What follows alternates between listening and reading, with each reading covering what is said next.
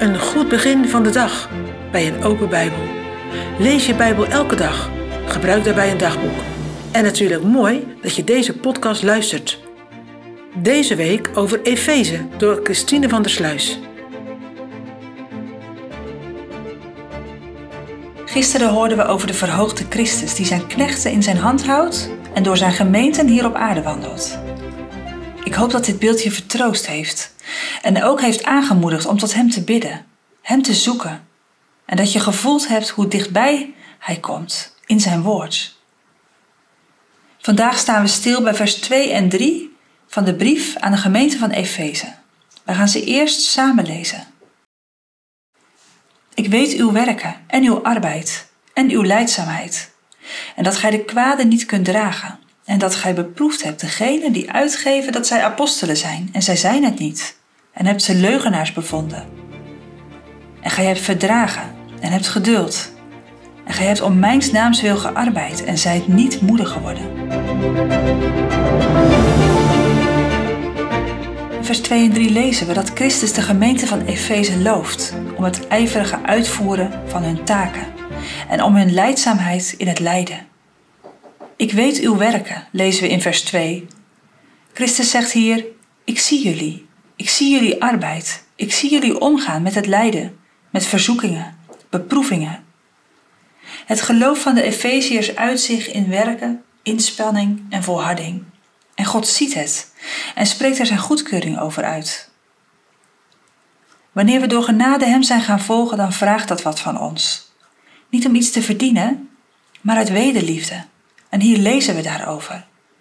Geldt dit jou ook? Is het voor jou troostvol dat God alles van je ziet?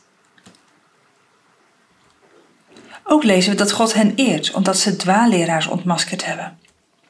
In de vroege kerk had je veel rondreizende predikers en profeten. En hieronder bevonden zich ook valse broeders. Daarom was het nodig om deze profeten op de proef te stellen.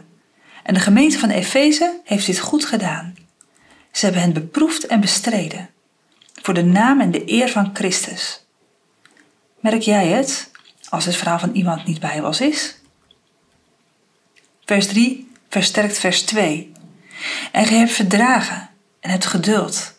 En gij hebt om mijns naams wil gearbeid en zijt niet moedig geworden. We lezen van volharding en inspanning. Die valse leraars, dat was geen tijdelijk probleem, maar een voortdurende beproeving, die waakzaamheid, ijver, gebed en geloof vroeg. Er zal ook veel tegen opgekomen zijn: meningen, ruzie, afkeur, afgunst, oordelen. Het zal er allemaal geweest zijn. Gij hebt verdragen, omwille van Christus, met het oog op Hem. Ben jij daar ook toe bereid? Een voorbeeld voor jou en mij. Strijd voor Zijn naam. Strijd niet voor jouw standpunt, jouw mening, jouw visie, maar strijd voor de eer van God. En verdraag. Verdraag oordelen, valse beschuldigingen. Soms, misschien wel vaak, moet onze eer wijken voor Zijn eer. Maar het is het waard. Onze naam is niet zo belangrijk, maar Zijn naam moet alle eer, lof en aanbidding ontvangen. De gemeente van Efeze heeft een grote, vaste loyaliteit vertoond en ze worden daarom geprezen. Maar ze zijn ook iets verloren. En daar lezen we morgen over. Ik sluit af met Psalm 136, vers 26. Geef de God des hemels eer. Lof zij aller schepselen Heer.